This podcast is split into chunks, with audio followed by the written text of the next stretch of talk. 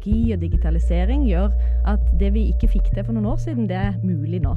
At det å stadig vekk skulle balansere mellom frihet og ufrihet Det er ikke noe særlig lurt å stole på viljestyrken, f.eks. Kirkas demokratisystem. Opplysningen hver fredag fra klokken 10 til 11.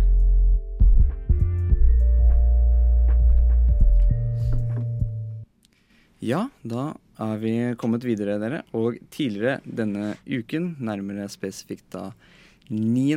november, og for så vidt også 10. november, markerte 83-årsdagen for eh, pogromnatten, eller novemberpogromene. Eventuelt da krystallnatten i eh, Tyskland, hvor eh, en rekke jødiske bedrifter og mennesker og alt som var, ble drept, ramponert og ødelagt i de tyske gatene. Og eh, Amalie, kan du ikke begynne å fortelle oss litt fort om denne, denne hendelsen som skjedde i Tyskland? da?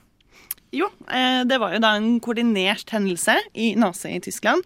Eh, men det var ikke bare i eh, Tyskland at det var ødeleggelser. Det var også Østerrike og deler av Tsjekkoslovakia. Eh, hvor jødene da ble utsatt for forfølgelser. Og ordet 'krystallnatten' kom jo da fra alt det knuste glasset eh, i gatene etter at det hadde knust butikkvinduer. Men eh, dagens eh, forskere og også for så vidt Antirasistisk Senter og andre bruker nå ikke lenger ordet 'krystallnatten'. Fordi det var jo et ord som eh, nazistene selv brukte, og de var stolte av det. Eh, noen kilder så blir det til og med kalt rikskrystallnatten. Så Ja, for, og det gjenspeiler jo på alt glasset som var knust i gatene, Ja. og eh, skinnet av det som så ut som, som krystall. Og da var det en slags stolthet ved å ha ødelagt så mye, eller å ha på en måte destruert fienden. da, på måte vis. Så det, det trenger vi ikke å huske det på den måten, mener vel mange. da. Ja, så i stedet så bruker vi nå ordet novemberpogromene. Og pogrom er jo et, et russisk ord. Jeg har fått litt forskjellige oversettelser i researchen min. Eh, Noen sier at det bare betyr ødeleggelse, eh, mens andre har utvidet det litt mer til eh, å herje, ødelegge, rive ned med vold. Ja, Uansett høres det passende ut. Ja. Og eh, det er jo mye å snakke om, men eh, jeg skjønner at eh, regjeringen hadde en markering til denne uken. Er det noen spesifikk grunn til at regjeringen valgte å markere akkurat på denne 83-årsdagen? Ja, altså I en pressemelding fra regjeringen så uttaler jo Jonas Gahr Støre at dagen er en viktig påminnelse om antisemittismens ytterste konsekvens, ikke sant? Eh, de eh, ser med uro på omfanget av rasistiske og andre ytterliggående holdninger i samfunnet.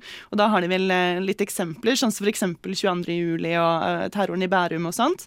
Og statsministeren forteller jo da også at de har startet opp arbeidet med en ekstremismekommisjon, da. Som skal undersøke hvordan og hvorfor ekstremisme oppstår. Mm, ikke sant? Og dette er jo ikke kun et problem i Norge, dette er et problem vi ser verden over. At ekstremister tyr til vold. Vi så bl.a. denne skyteren på New Zealand på, i Christchurch for noen eh, år tilbake.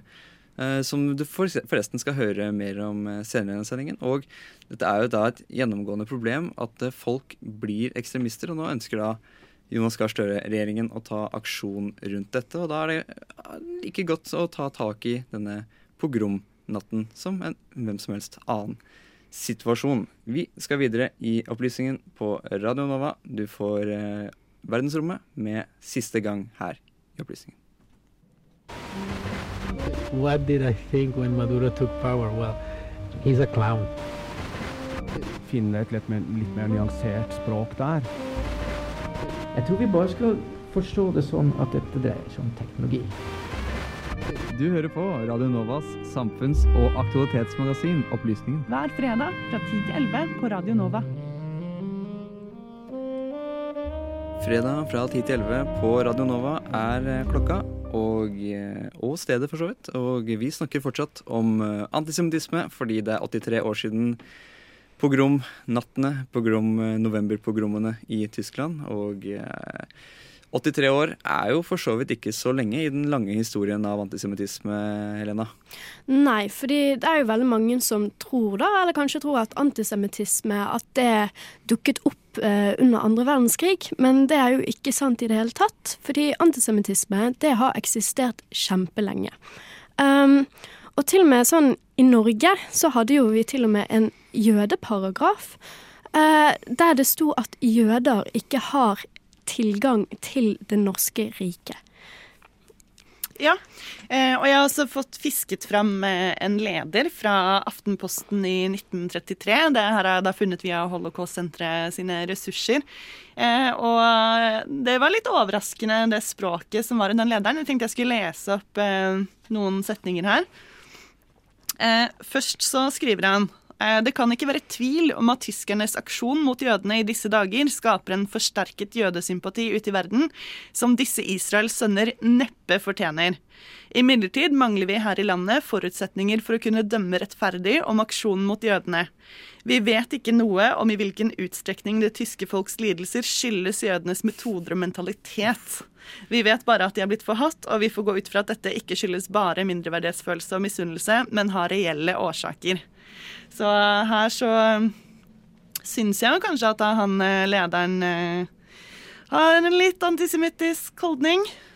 Ja, jeg kan si det. Han høres jo nesten ut som en uh, moderne nynazist. Og apropos moderne nynazister, for det at det de, denne antisemittismen har vart lenge, og den kommer til å fortsette. For disse moderne nynazistene, som vi skal inn på i neste sak, har en viss måte å kommunisere på som vi nå skal få høre mer om fra vår reporter Sander Zakaria.